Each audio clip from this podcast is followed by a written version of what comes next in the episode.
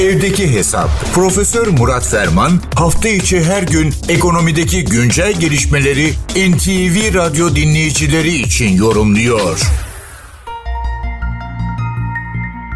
Hayatın normal akışı içerisinde kriz veya zorlu dönemler ortaya çıktığında buna göre vaziyet etmek, anında bir takım tedbirler almak veya vaziyet etmek gerekebilir. Ekonomide bundan vareste veya bunun dışında kalamaz.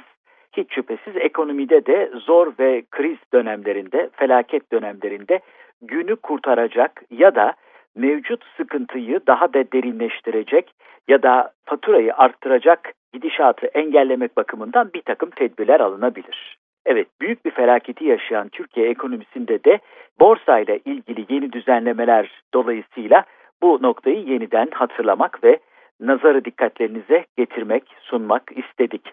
Bilindiği üzere uzunca bir müddet, bir haftayı aşan bir süre kapalı kalan borsa dün açıldı ve açılışın hemen öncesindeki bir dizi düzenlemenin getireceği etki konusundaki beklentiler bu beklentilere paralel olarak gerçekleşti. Ama enteresan bir tabloyla karşı karşıyayız.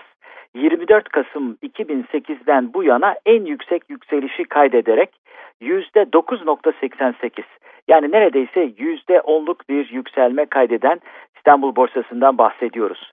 Dünkü işlemlerde birçok şirketin hisseleri tavan fiyatta ya da tavan fiyatına çok yakın bir seviyede işlem gördü. Bu elbette borsada olanlar ve ekonominin gidişatını borsa üzerinden okumak isteyenler için olumlu bir durum ve hisse geri alımı yaparak ve düzenlemeleri gevşeterek hisse senedi fiyatlarını desteklemenin çok kolay olduğunu da tatbiki olarak görmüş olduk. Ancak netice itibariyle şunu da hesaba katmak gerekir. Regülasyonlarla elde edilen diğer regülasyonlarla da gider. Yani regülasyonla gelen regülasyonla gider.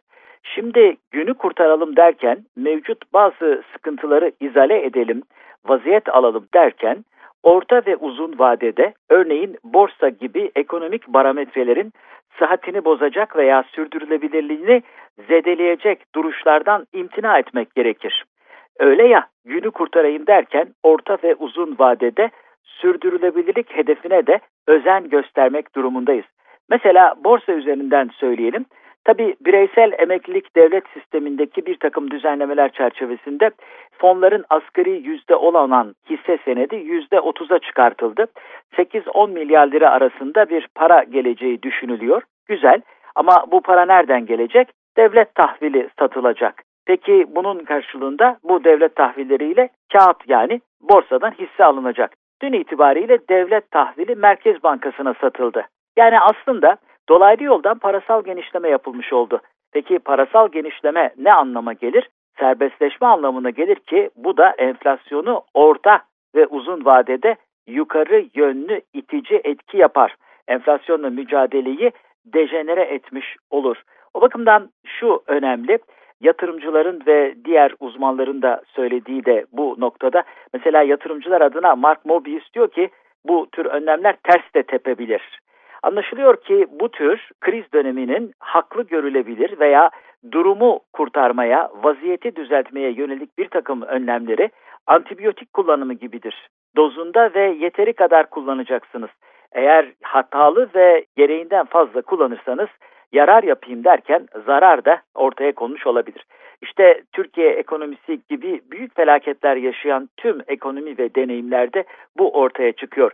Bir taraftan günlük maişet motorunu döndürmek, günü kurtarmak için gerekeni yaparken bu yapılanların orta ve uzun vadedeki selameti ve sürdürülebilirliği de mümkün olan en az negatif şekilde etkilemesine ayrıca özen gösterilmelidir.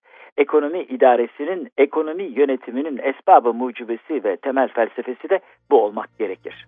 Bu genel değerlendirmeler çerçevesinde değerli dinleyenlerimize katma değeri yüksek ve yüksek katma değerli bir gün diliyor. Huzurlarınızdan hürmetlerle ayrılıyorum. Profesör Murat Ferman'la evdeki hesap sona erdi. Kaçırdığınız bölümleri www.ntvradio.com.tr adresinden dinleyebilirsiniz.